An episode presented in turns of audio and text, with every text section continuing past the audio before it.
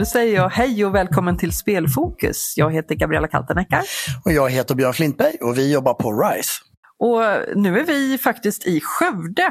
Jajamän! Vi har alltså deltagit på Sweden Game Conference och har lite insikter att dela med oss från både Donna Day och Industry Track. Ja men så är det. Det är ju en eh, fantastisk möjlighet att få komma hit. Det är så kul att se. Skövde är ju ingen storstad på något sätt men har ändå lyckats bygga upp en fantastisk eh, spelindustri lokalt. Och tack vare Skaraborg Invest och en väldigt aktiv och intresserad kommun så har man ju verkligen satsat på spelbranschen får man ju säga. Jo, men det har man och Science Park och högskolan har ju hittat samarbeten som har lyckats bygga under, under många år, stora framgångar eh, med många bolag. Och nu är man ju uppe i 2,8 miljarder nästan i omsättningen på spel i år. Så det är fantastiskt. Och Det är många som pratar om det svenska spelundret och det är ju hemmahörande i Skövde. Ja, så är det ju. Det är klart att det finns andra orter också som har varit väldigt framgångsrika i, i Sverige. Men jag tror att många tittar nog på Skövde, inte bara för framgångarna lokalt, alltså i, i antal bolag eller så, utan också för att man har ett, ett väldigt strukturerat ekosystem jämfört med många andra platser. Man har, man har jobbat igenom det, man har tydliga processer och sådär ändå så märker man ju när man träffar folk från, som jobbar med det här att man vill ju göra mer, man vill fortsätta utvecklas. Och vi har ju delat upp oss idag. Eh, så idag Björn har du varit på Industry Track och jag har varit på Donna Track. Va vad gjorde ni på ert håll? Men vi pratade efter den gemensamma inledningen så, så var vi ju då tvärs över gatan från eh, det andra eventet och eh, hade Industry Track och det är egentligen, där pratar vi om utvecklingen av branschen i olika perspektiv.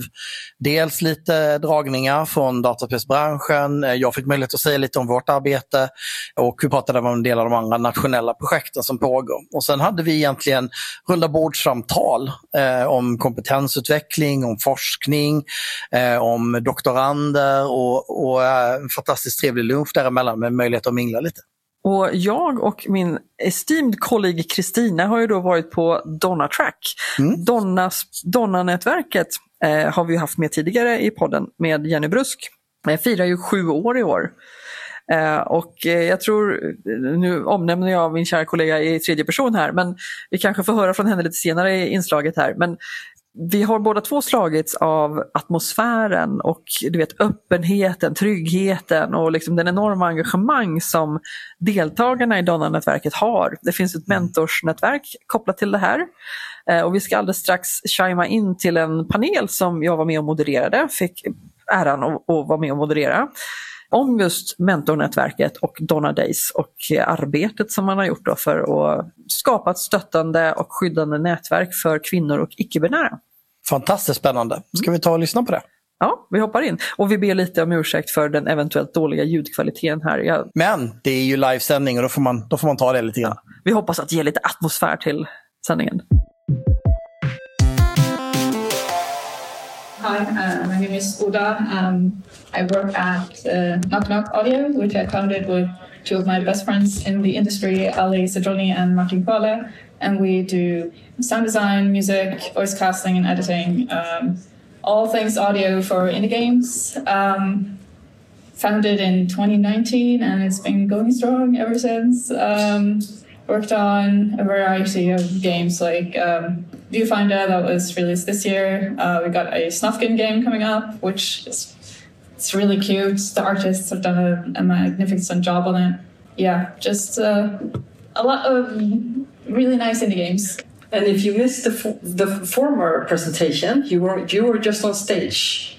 Yes, I was. Uh, and if you were missing it, you were you're a horrible person because uh, yes. you said you really missed out. God, there's so much judgment on the stage today. Hello, um, my name is Josephine Baird. I am in my proper adult job. I'm a lecturer and a researcher at the University of Uppsala. Um, I teach on game design.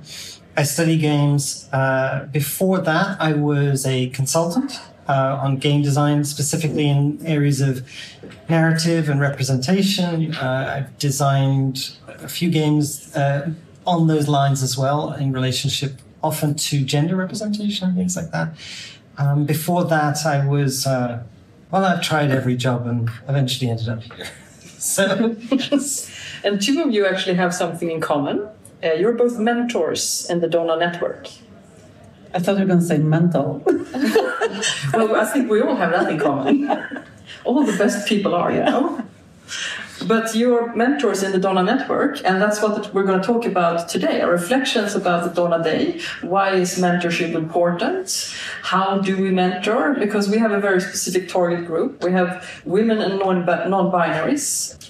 I, I, very casually uh, sometimes say women plus, and then I try to include everything into that plus, but the correct term should be uh, women uh, and non binary to start off with, how did you get in contact with the Donna Network? I actually don't remember. I think I met Jenny at this Sweden Game Conference 2017, maybe. I really don't remember how it came about, but uh, I know that then because Jenny works in Gothenburg as well, and I had contacted her with some other. Somehow, somehow she fell into my contact net, and then we started talking about it, and uh, and at Mindark we thought it was extremely important that we uh, become sponsors, and we did that. And this is the third year we've been sponsoring uh, the event, and we are extremely happy. And we see how it grows and how it changes a little bit, and and it's uh, yeah, it's beautiful. Yeah. Um, well, I, I first kind of learned about the existence of it or became aware of it was two years ago when Martin, my colleague, and I were here and did a talk together. Um, and I saw on the program that, oh, there was this really cool Women and Non Binary People Day the day before we arrived and I wasn't here and I was a bit bummed out. Um, and then I kind of forgot about it a bit, I guess. And then last year I was at a um, game jam uh, called Val- uh, Valkyrie Jam. Um, Up in Boden, right? Yes, mm? exactly. Awesome. I was there and I met Hannah uh, that works at Coffee Stain. And she was, she talked about Donna Day so warmly. I was like, wow, okay, I need to go there because it was nice the, the year before to just be here in general anyway and then get, getting a friend and uh, everything to go visit was nice. And then the whole concept of this uh, Donna Day um, and like, encouraging that kind of network building, it's something that I've been kind of missing in Norway, to be honest. And I really wanted to go here and see how it works, and also to uh, yeah sponsor it because I, um, I talked to Martin and Ali about it, and they both also were like, yes, we we want to like even if it's not like in relation to the Norwegian industry, it's still something that's going to be beneficial uh, regardless. And the stuff that we learn through this is going to be helpful for us as well because we don't just, at least, yeah, all of us, we really care about yeah the, the diversity and everything in the industry as well. So it felt like that would be a good uh, way to spend some of the, the surplus that we had in our company. Mm. And for me and Josephine, we're obviously not mentors, but Josephine, you still work in the educational system. Uh, do you have mentors in your organizations? Not officially, I think we should. Uh. Um, uh, yes, I, am a lecturer, but on the other hand, we we have a for all of our students, they eventually produce a project either as a game or a game and um, uh, a thesis. And so they often have supervisors. In that sense, I've been a mentor to several student groups. I've been so pleased that, that they disappeared. I had some former students come up to me uh, whilst here. It's incredibly gratifying um, because I, I, didn't know they were going to be here. It's been oh. lovely. So it's been kind of reconnecting. And we'll reach even more of them with the podcast later. I'm, I'm very excited. Um, I'm very much the new girl on the block. I you asking how, how, how people if you have mentorships in your yes. organization and you were saying yes. you have the need for it yes so what benefits would you see what would be different if you have the mentorship program i think i can say in short as I said, I'm the new person here. I, I found out about Donna Day through the multiplayers band who came to perform at uh, the Gotland Game Conference, which is a conference that we hold as part of the Uppsala University every May. Um, and they came and performed for us, and they insisted that I come here. And of course, I said, God, what is this thing? And I, I still didn't quite know entirely until I walked through the door this morning because I, I, I, it was very last minute. And I walked in and I saw this mentorship program in action. And I was blown away. I, it was so wonderful to see um, students or recent alumni, people who um, want to be active in the industry, want to be artists, want to make games like this, be able to talk to people who look like them, who sound like them, who've done it before. A lot of the conversations we've had during the Donna Day today has been about role models. And someone said, if you can't see it, you can't be it, right? Actively seeing it, being able to meet people and talk to them. I saw the impact it had today. And I am so keen to do that with us as well. I want that in Gotland. Yeah. And being a mentor, what does it entail? You as experts, what, what do you talk about? How many mentees do you have as one mentor, or, or does it vary?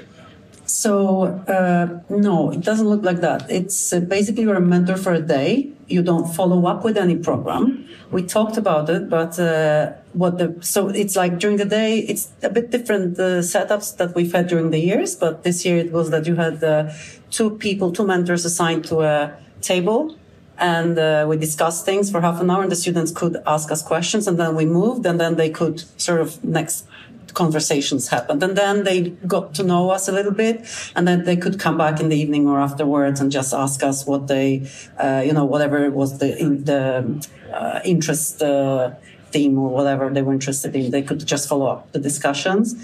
And then uh, what I encourage people to do is always to reach out on LinkedIn because it feels like they're scared. I had like one person yesterday just reaching out. So I'm happy to just follow up with more mentorship or whatever, answering questions, but it doesn't happen that often actually. Do you have the same experience?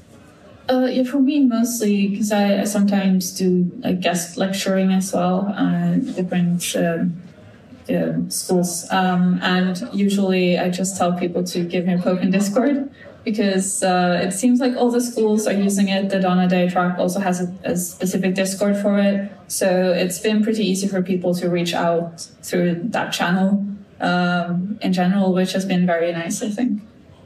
Do we have any mentees in the audience? Do you think it's good?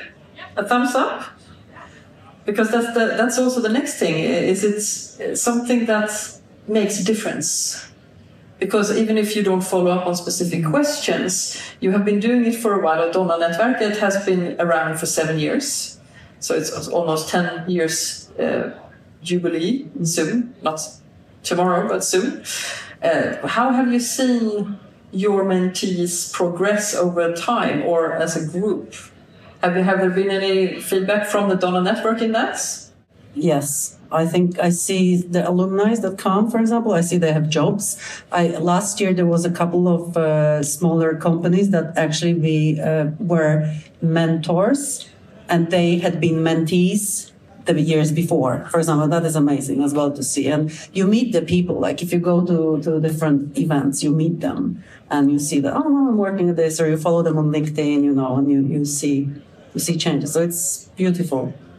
And you, you, you work with students from Skövde mm. specifically, and from the Donna network specifically, or? No, I think it's the whole Sweden. I think the, I think it was 200 something applications sent from around the the whole. Um, I think I don't know if it's only in Sweden though. Maybe it's even I from abroad. only Sweden. Only Sweden. Okay. So, yeah. Do you have to apply to become a mentee? Yeah, you have to send out an application, and then they, I think they chose 85 now to keep the smaller, still smaller group, um, so that it still feels a bit like Mysigt. but what do you envision for Gotland?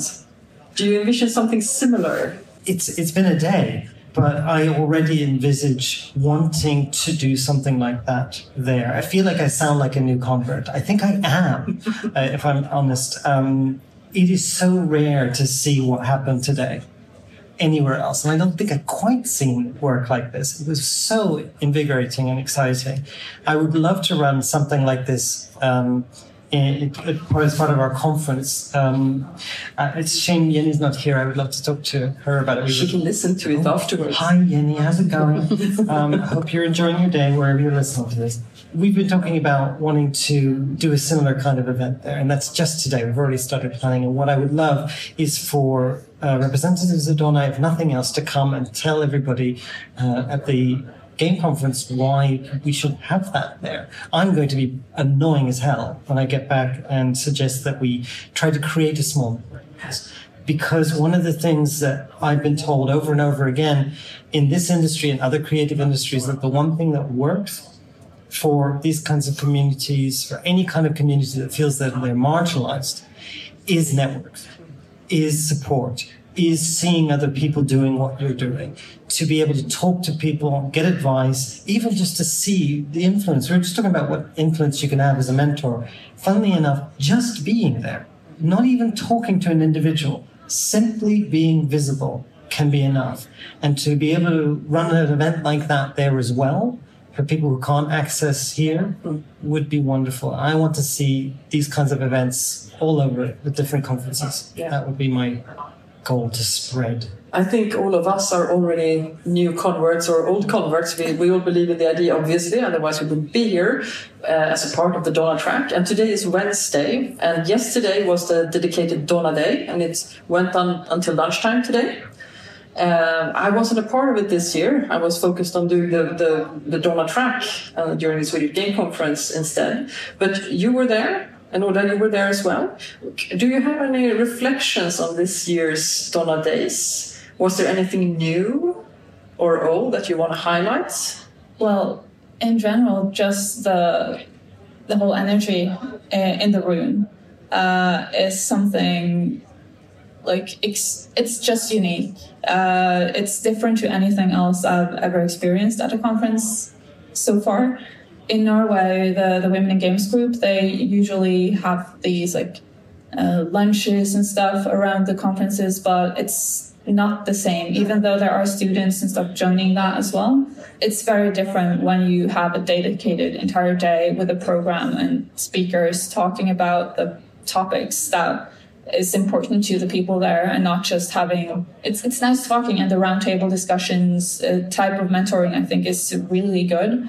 But it's uh, it's very different when everyone there are with the specific purpose of getting that network and not just escaping to some restaurant for an hour or two you know the, it's a big difference. And i I really want to make something like this in Norway as well. Um, I've already told that to Jenny like last year and, and this year. It's some I, will make something like this happen in Norway. I've decided on that. It's it's not like next year or something, but like in a few years' time maybe. Um, and I've already talked to other people in the Norwegian industry. Um, I'm in this um, booster program from the Norwegian Film Institute uh, called Up3, where they chose uh, eight women um, in the industry to kind of give this little boost. And um, I'm in that program, and I've talked to all of them there, and they all think it sounds like a wonderful idea.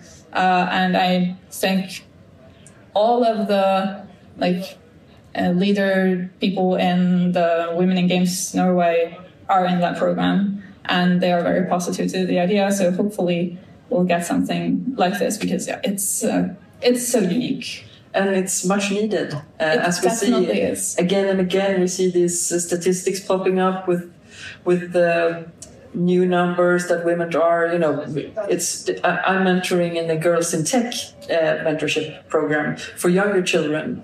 So uh, still not young enough because we know that women lose interest in tech related hobbies when they're around 10 to 12 years old.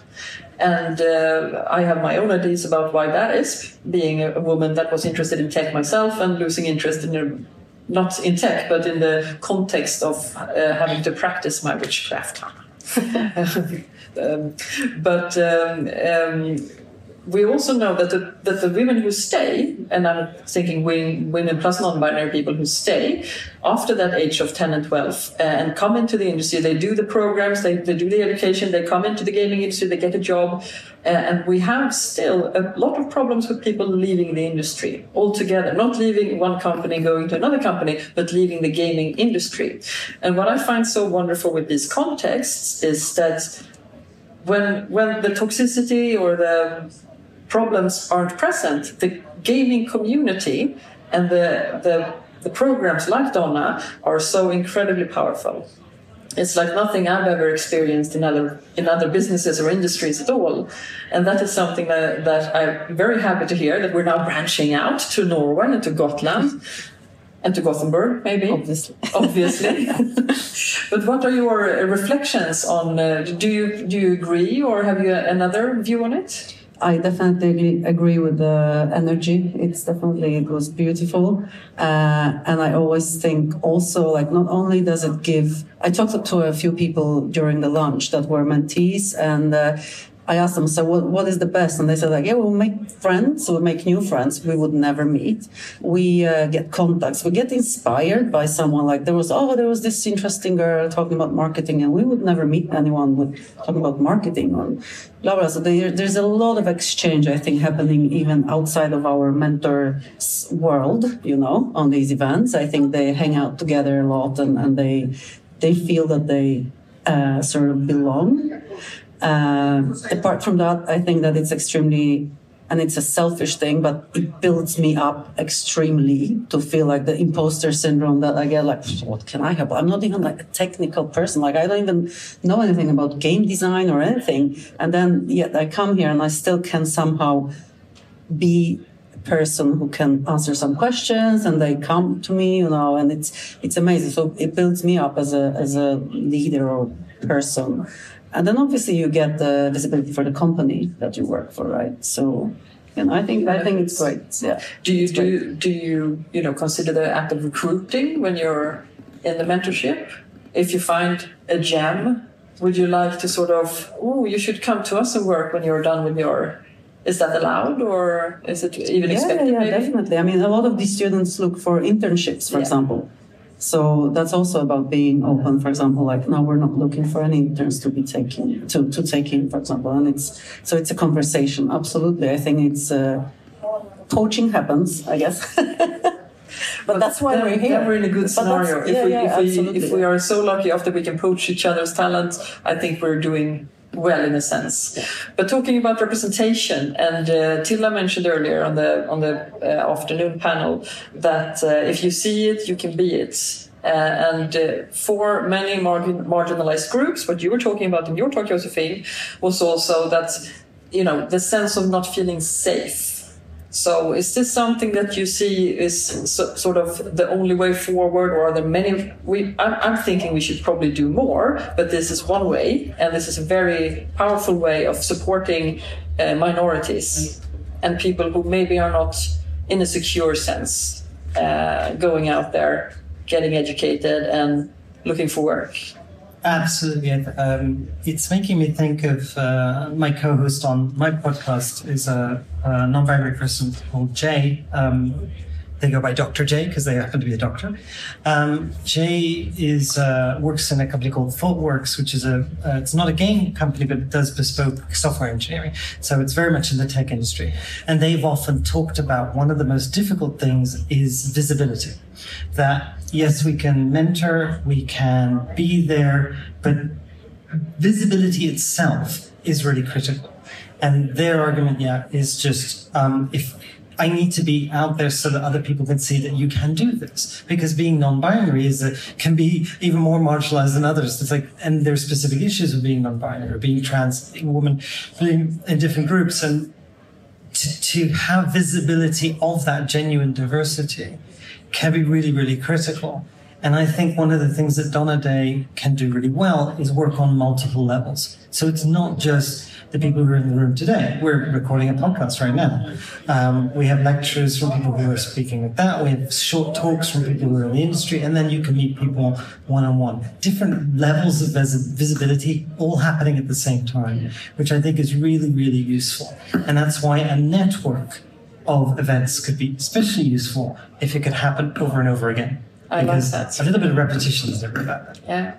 And I, I, you know, I can never get enough of these types of networking meetings and events. I think it's, it's where most connections are made, most businesses ideas start, and inspiration grows. So I completely agree with you. We should have more events. The only problem is when should we do the work then? we have to tag team to go to these events. No, but uh, for people starting out in the industry, I think this is absolutely crucial. But what will be the next step? Because as we also discovered in previous panels, uh, we know that the, the powers that be, uh, not because they are mustache twirling evil people, but they really are not experiencing this problem on a personal level, of course, because they, they belong to a norm or a homogeneous group. And it, I think it's also very important to always remember that it can't be women or non-binary or trans people who have to carry the flag themselves. So, um, what are your takes on the next steps? What more can we do other than these fantastic events that I think is a necess- necessity to keep going, keep the progress going? But the people who come to these events are people who are marginalized today. How do we get the rest of the people to uh, engage in this subject? I think uh, having conversations with the other people that are not in the marginalized uh, group about these things outside of the events and encouraging them to. I, mean, we should never put on ourselves to educate everyone about everything because that's uh, way too much of a burden for anyone. But uh, just talking to people and um, having discussions, uh, telling them, yeah, just spreading the word basically. Um, like for example, Martin, uh, my coworker again, uh, he once realized that oh, uh, this one team that I'm working on uh, with, they uh, we are all cis white guys. Oda, they are in a they are going to do a new round of hiring now. We are six white guys. Uh, what can we do to try and make sure that we don't end up as a say like cis straight white dude team?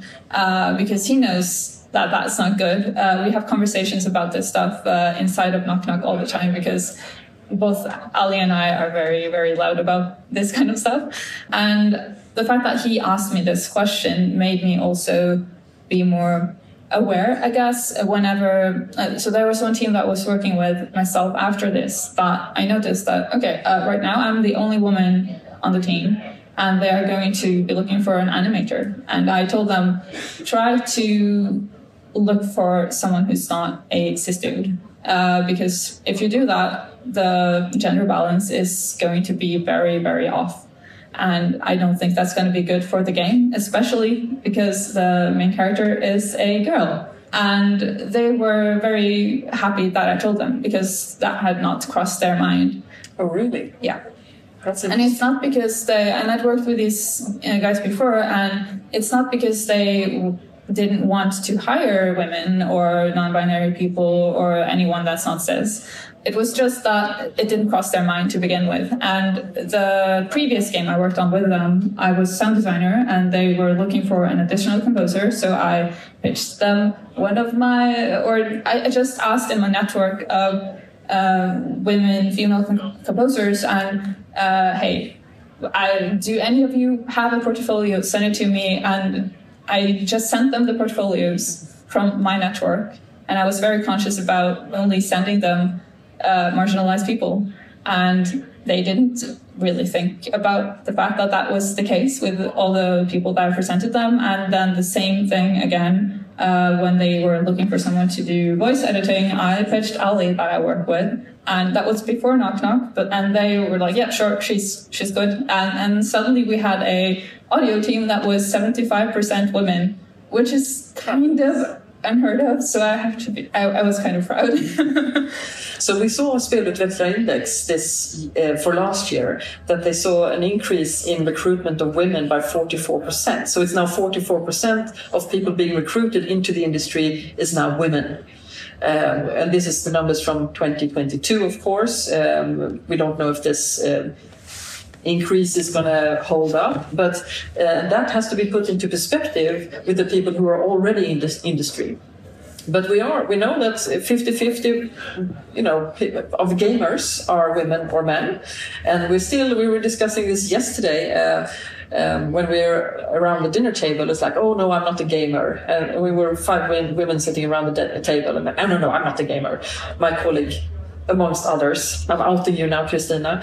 She's like, no, no, no, I'm not a gamer. No, no, yeah, I, I played Tetris. Oh, I, I remember the Game Boy. And oh, yes, I. So it was like, yeah. So what is your perception of the gamer? And even though uh, there are organizations now like Gaming Senior, we have people over 65 meeting in groups, they're going to tournaments together, they've been alone since COVID, they have built a super strong community. If you haven't read about them, I really recommend them. Gaming Senior. Uh, that's my aspiration when I retire. I want to be in a gaming community called Gaming Seniors, and we're going to play, play old retro games, right? But they mentioned that uh, it has to do with preconceived ideas about what a gamer is. So has that, you know, growing up in your respective parts of the world where you're coming from, did you have a preconceived idea about gaming, gaming and gamers? No, I didn't actually. I didn't. I, I grew up with a neighbor who had an Atari, and I had a Game Boy, and I loved. I had a Tetris game as well, and I played it. And when I applied for EA uh, job, I said, "I'm not a gamer. I never play games." But I play with my son. I play Lego games on PlayStation. I still play games, but I always like, I'm not a gamer. So what is so that came idea of a gamer afterwards. Yeah, I mean, of course, a teenager, male teenager with a little bit unwashed hair. Uh, the- yeah, and sitting in the cellar of the mom's Well, why, why is that? Why is that our inner vision of a gamer? It's the media. Yeah, American movies, right? No, no, just in general. I think new, newspapers, articles, and stuff, because it's been so much negativity around it, and it's always about some teenage boy uh, sitting in his room all day uh, and playing online games mostly. Myself, I was playing DS. That's that's kind of what I grew up with, and I never thought of myself as a gamer because I played Nintendogs and Super Princess Peach, and then I- I, I bought the DS with my own money. I saved for ages. And then I, I still never thought of myself as a gamer. But then someone later, a man actually, pointed out that, well, you, you saved up for that at the age of 12 to buy it with your own money. That's some dedication right there. I think you should consider yourself You're yourself a such a gamer. nerd. Yeah. Was it the same for you? You were into acting also. Yes, we're about the same age, you and I. Um, and yeah, I, uh, I guess we're one of the first generations to grow up with digital games as an actual thing. Uh, for me, it was a little later in life. We usually don't talk about that loud out loud, but yes, we sorry, are. I apologize. Uh, I am of the generation that, uh, uh, yeah. When we remember the times, at We least. remember the times, yes. And so, yeah, I didn't have that stereotypical relationship with it either. For me, games was something that you did socially. And I think this um, really negative stereotype is exactly that. It's a negative stereotype. And in my talk today, I was talking a lot about this, these tropes, these stereotypes of characters. They're designed culturally to explain something very simply and to pigeonhole people into these boxes. And it's just not reality. And the worst thing is that it perpetuates a belief that people are this way. And it's usually negative and mean, like, oh, people who play games look and act a certain way, um, which only reinforces those people who do that. And um, it also just presents anybody else as, well, you're not part of the club Yeah. or um, you're an anomaly. For me, it was like I played my Super Nintendo with my friends in front of a TV. And then as I grew older, games were something that I used to make me feel better, to explore things I couldn't, to connect with ideas or consider complex emotions and stories. It's an art form. And as a teacher, I'm so glad we're over this is games an art question because it's that's what it is. And to suggest that the only people who enjoy that art form are a negative stereotype is so limiting to what this art is and can do and who plays these games. Yeah. And so, yeah, I 100% agree with you. I, I, I have the same experience. I was very bullied when I grew up. So um, I, I wasn't, I, and I was super nerdy. I was what you call a geek. And that was in a positive time, like, term in, in, the, in the 80s. That meant you got taken out of school and beaten up behind the, in the yard. And I'm not saying that as a negative story.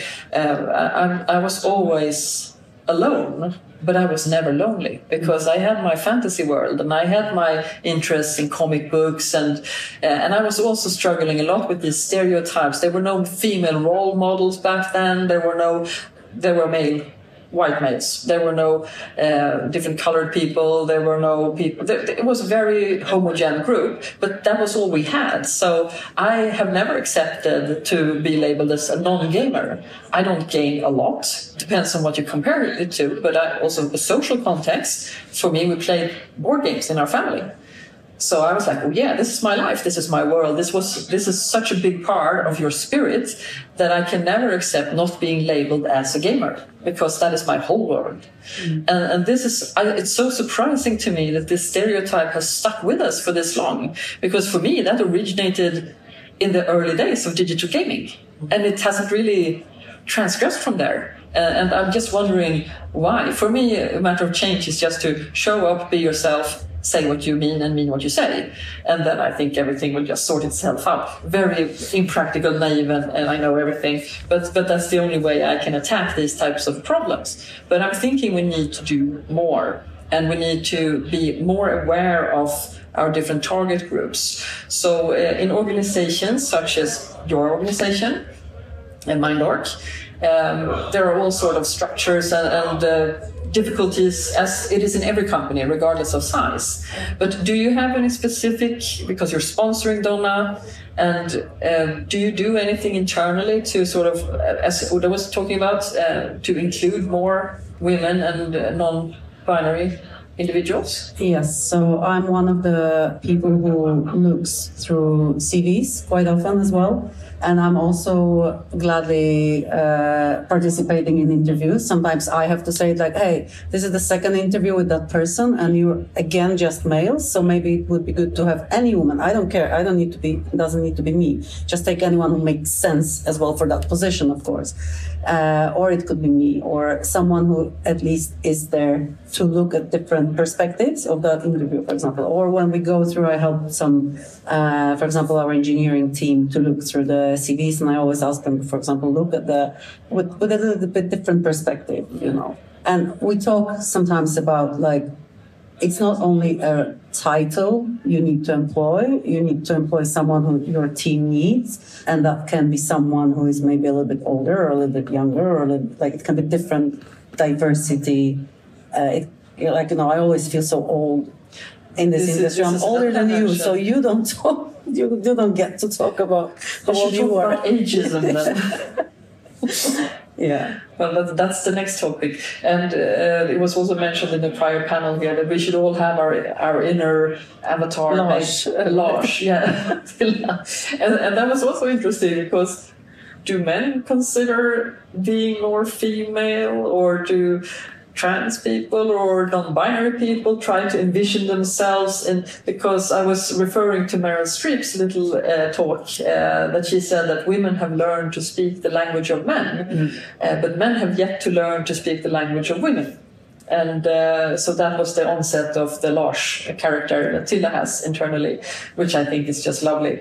But I also think it's a little bit horrifying because why would we need to? Uh, it's horrifying that it is needed it's horrifying that it works. For me, it's like, well, you are enough as you. That should be enough. And what anyone else thinks about you, that's their business. And for me, uh, for my male friends that I very much admire, that has always been one of the things that I've like, oh, you're very good at like not not taking it to heart too much. So uh, one of the things that I learned very early on in, in the big corporation, American corporation, was that I watched my male colleagues and they were crap at their job, a lot of them. And they were just like, yeah, it doesn't matter. You know, I'll finish this tomorrow and no one will care in the long run of things. And it worked. And I just started doing one very simple thing. I was on a big corporate ladder career path.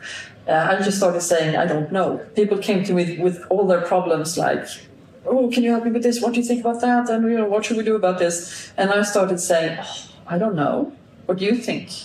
And this, all of a sudden, my career was like, phew, which I found I did it as a little social experiment. I'm, I'm a bit sadistic at, at this. I, I, do social experiments. But this is very, very interesting. So, do, do you agree that men, what are the key factors that the current powers that be utilize that we can learn from, if, if any? Have you thought about it? Have you done your own social experiments? I see my partner in fun over here has something to say. of my many jobs, I have a background in gender studies and working on gender expression and one of my things that I've done in the past is had a background in gender studies.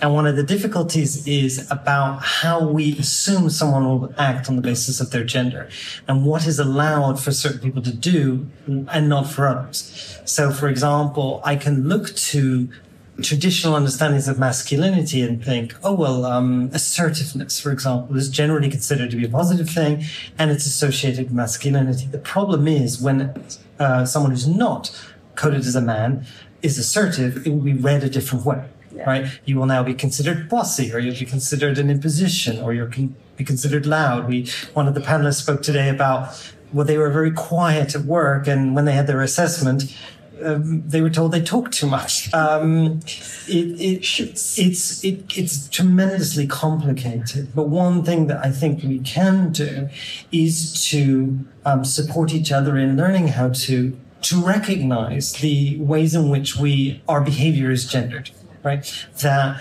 when well, we want to be able to be assertive, we want to be able to say no to things that are not things that we should be responsible for.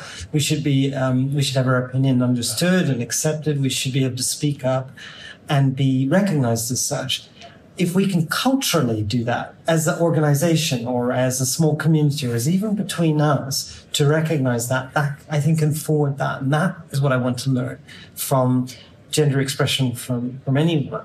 And yeah, I think that's, that's my. Yeah, that's a good point. Have you had the time to reflect and think what male role models do you have? What traits do they have that you wish that you could incorporate more into the world of woman and non-binary? I mean, uh, there's of course the the whole statistic of men applying to positions without checking all the boxes and, and other candidates, women and non-binary people, maybe depending on how they grew up, I don't know. Uh, also, like not applying to the same position if they don't tick more than I, I think it's like 80% of, of the boxes or something. So I guess uh, just when I was at GDC uh, 2019, I, was in this group uh, and they all said like, yo, just channel your inner white dude. I guess that's the large, yeah, I guess it, it just kind of comes down to being a bit like, fuck it, I'll just give it a shot. Having a bit more of that attitude yeah. uh, for a lot of things and saying yes to opportunities that you might not really feel is suited for you. The whole imposter syndrome as well, just like fuck it. Do you think men also suffer for, from imposter syndrome? Yes, yeah. all the time. men, men. Yeah, I think yeah. they do. Yeah, but not do. when applying for jobs. Maybe. Maybe no. But yeah, but, but maybe it has to do a little bit. I thought it was interesting on the panel before that someone said, I think we're just, I think it was the guy uh, who talked to, Jesper, he said, I think we're just more used to failing. Like we don't mm. care about failing that much. And, and so I thought then that, yeah, it's true. Like nobody cares if I fail. It's I care and I put extreme amount of pressure I think it's also like probably at your work in the company where you work, even the big one, it's you who put the pressure on yourself that you have to deliver, you have to keep up, you have to be the best. You, you know, this is like the ambitions that I think is in somehow. I don't know why, if it's culture, or if it's because we were brought up this way.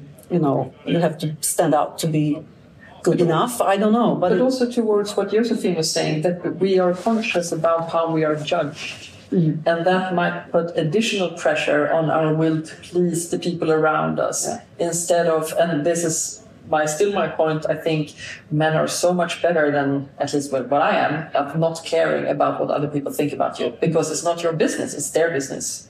And being judged is not a pleasant feeling.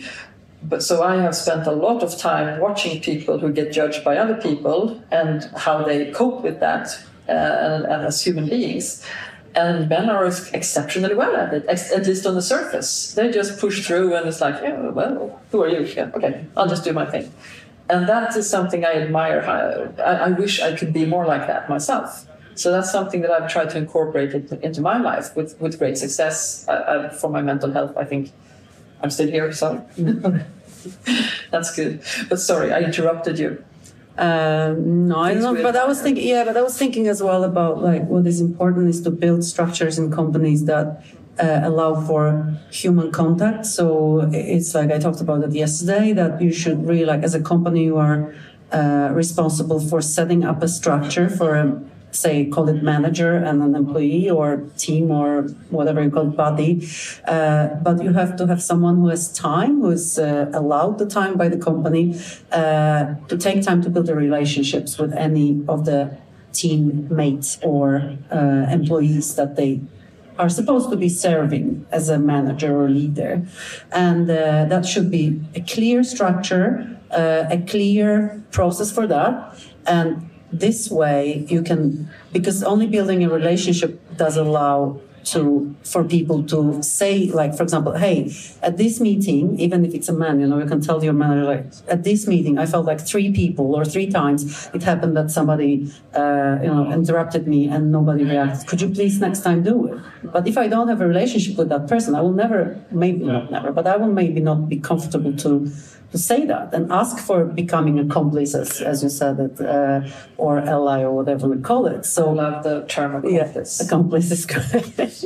Any last comments towards the Donna Day reflections? Keep the whole thing going, please. Yes. See you next year. Yeah. See you next year. And please uh, tell all the students to reach out on LinkedIn so that we can follow up sometimes. And don't be scared to come up and, and just, you know, ask questions afterwards, and uh, it's just fun. The worst thing can happen that somebody might not have time to answer, but I mean, there's always a chance that usually we have time. And, and, that will have nothing to do with the person asking the question. No, that will have to exactly. do with the schedule of the person receiving the question. Yeah. Thank you guys so much, and thank you guys for being in the audience. Thank you so much. Thank you so much. Ja, men jätte jätteroligt att höra och få prata med de här mentorerna. Och, och, så kul att höra att, man, att det håller på att sprida sig. Nu vill man starta på Gotland och man vill starta i Norge. Ja, det är verkligen kul och jag, menar, jag kan ju bekräfta också från, från mitt håll att eh, både Norge och, och Gotland eh, och en hel del andra platser tittar ju lite grann och sneglar på Skövde och har ambitioner av att göra mer hela tiden. Vi har träffat forskare idag från Norge, vi har pratat med andra människor från Gotland i veckan och det, det finns ambitioner att göra mer för Spelsverige. Inte bara inom det här nätverket men överlag. Och det, jag tror det här, den här samlande kraften som kommer när man får med sig både de viktiga frågorna som det som Donna-nätverket tar upp men också liksom får med sig beslutsfattare och politiker. Det är då det kan bli någonting som blir varaktigt. Flera intressanta frågor som togs upp under det här samtalet också med om attityder, om representation. Vi hade Josefin med oss också i samtalet som är eh, fantastiskt, hade en fantastisk talk innan. De pratade om transpersoners representation inom spel och vad det betyder för, för det communityt. Mm. Um, otroligt inspirerande. Vi ska bjuda in Josefin till att delta i ett senare avsnitt av Spelfokus i jag nästa säsong. tycker jag låter fantastiskt, det är jättebra. Vad fick ni mer eh, för inspel och tankar när ni var där? Jo men eh, som min kära kollega Kristina också säger, eh, det, det handlar om att starta ett, eller skapa ett safe space där det finns möjlighet att utforska. Man har ett alibi så att säga för att testa och grejer, framförallt för unga människor. Eh, att utforska och att eh, inte känna sig eh, utsatt när man gör det. Och det tror jag är väldigt signifikant för Donna-nätverket och det arbete som man har gjort på att verkligen kämpa för att se till att det här är ett safe space där alla är välkomna. Det var ju, det, vi har ju varit, vi har, vi har ju, innan den här dagen så har det varit ett helt, en hel dag med Donna Day-aktiviteter med de hundra personer som har ansökt och kommit in i Donna Day mentorskapsprogrammet. Då. Där man har haft microtalks, man har haft mentor mentor-talks, man har haft olika aktiviteter. Och under den här dagen, när, när vi har varit här, så har det kommit fram elever och mentees då får man väl säga, kallas det för, som har, som har fått ta del av det här mentorskapet och uttryckt sin glädje över att känna sig delaktiga i en industri där man kanske tidigare inte har, har känt sig uppskattad, välkommen eller inkluderad. Mm. Och då har man ju, alltså det arbetet som Jenny Brusk och de som jobbar med Donna Days, bara de här korta sju åren, det är ju egentligen när man tar ett steg tillbaka och tittar, det är av enorma proportioner, mm. vilken, vilken impact det här har på människors liv. Ja, på en hel bransch. Så är det ju och det är otroligt viktigt för, för individerna men det är, det är också viktigt för branschen själv. Dels att man ser de problem och utmaningar som finns och att man faktiskt aktivt försöker hitta metoder för att liksom bekämpa toxicitet och bekämpa liksom fördomsfulla liksom miljöer på det här sättet. Men det är också viktigt för branschen. Men om vi tittar på utvecklingen nu det senaste som kommer i spelutvecklarindex. 44% av alla nyanställda är kvinnor. Mm. Det är, ju en, det är en viktig målgrupp även så att säga för arbetsgivarna. Mm. Uh, inte bara för så att säga spelarna. Nej, precis. Och det var någon som kommenterade på det igår med att tänk så fort den här det, det, är klart att det finns problem som toxicitet som du nämner, men så fort den inte är närvarande, jäklar vilken power det finns i dataspelsbranschens community. Alltså det, det, är, jag har aldrig jobbat i någon bransch där det har funnits en sån stark sam, sammansvetsad känsla, eller känsla av belonging. Nej, och, och titta... Gemenskap, en sån stark gemenskap som det finns i dataspelsbranschen. Och tittar man på, på forskningen kring hur man, hur man bygger ekosystem, hur man bygger hållbara ekosystem, så är en av de absolut mest centrala faktorerna är ju kulturen mm. i ekosystemet nätverken och kulturen som finns på plats. Det, det kan vara make or break. Liksom. Du kan ha nätverk där allt annat finns. Det finns investerare, det finns bolag, det finns inkubatorer. Men har du inte rätt kultur så får du inte till det i alla fall. Och lyckas man så har man någonting alldeles fantastiskt. Och det nämndes ju flera gånger under dagen, bland annat i All In-panelen då, det projektet som kallas för All In som drivs av Skövde Science Park som också är, och Högskolan i Skövde som är finansierat av Vinnova eh, som också RISE har varit en del av och eh, tillsammans med Jenny Brusk och det gänget. Den data och statistik som har tagits fram där tillsammans med det som vi vet från dataspelsbranschen och spelutvecklarindex visar ju fortfarande på att det är en otroligt låg procentandel kvinnliga och non-binary individer som startar bolag. Mm. Man har försökt titta då på vilka är orsakerna till det här? Vad, vad är det som gör att eh, kvinnor och non-binary inte tar steget. Eh, mycket intressanta insikter. Om du inte ännu har besökt, kära lyssnare, eh, eh, Skövde under Sweden Game Arena så tycker vi att du ska göra det. Framförallt ni kära kommuner, regioner och politiker där ute. Eh, vill man sätta sig in i dataspelsbranschen, vad, vad spel för underhållning och forskning innebär, eh, då är Skövde rätt plats att börja.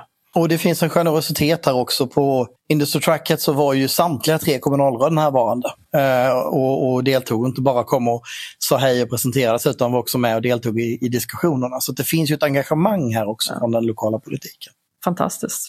Men det var väl lite grann det vi hinner med den här veckan. Så vi tackar er för att ni har varit med oss på Skövde Game Conference och eh, Spelfokus. Och hälsar er välkomna tillbaka nästa vecka. Ha det gott! Ha det bra!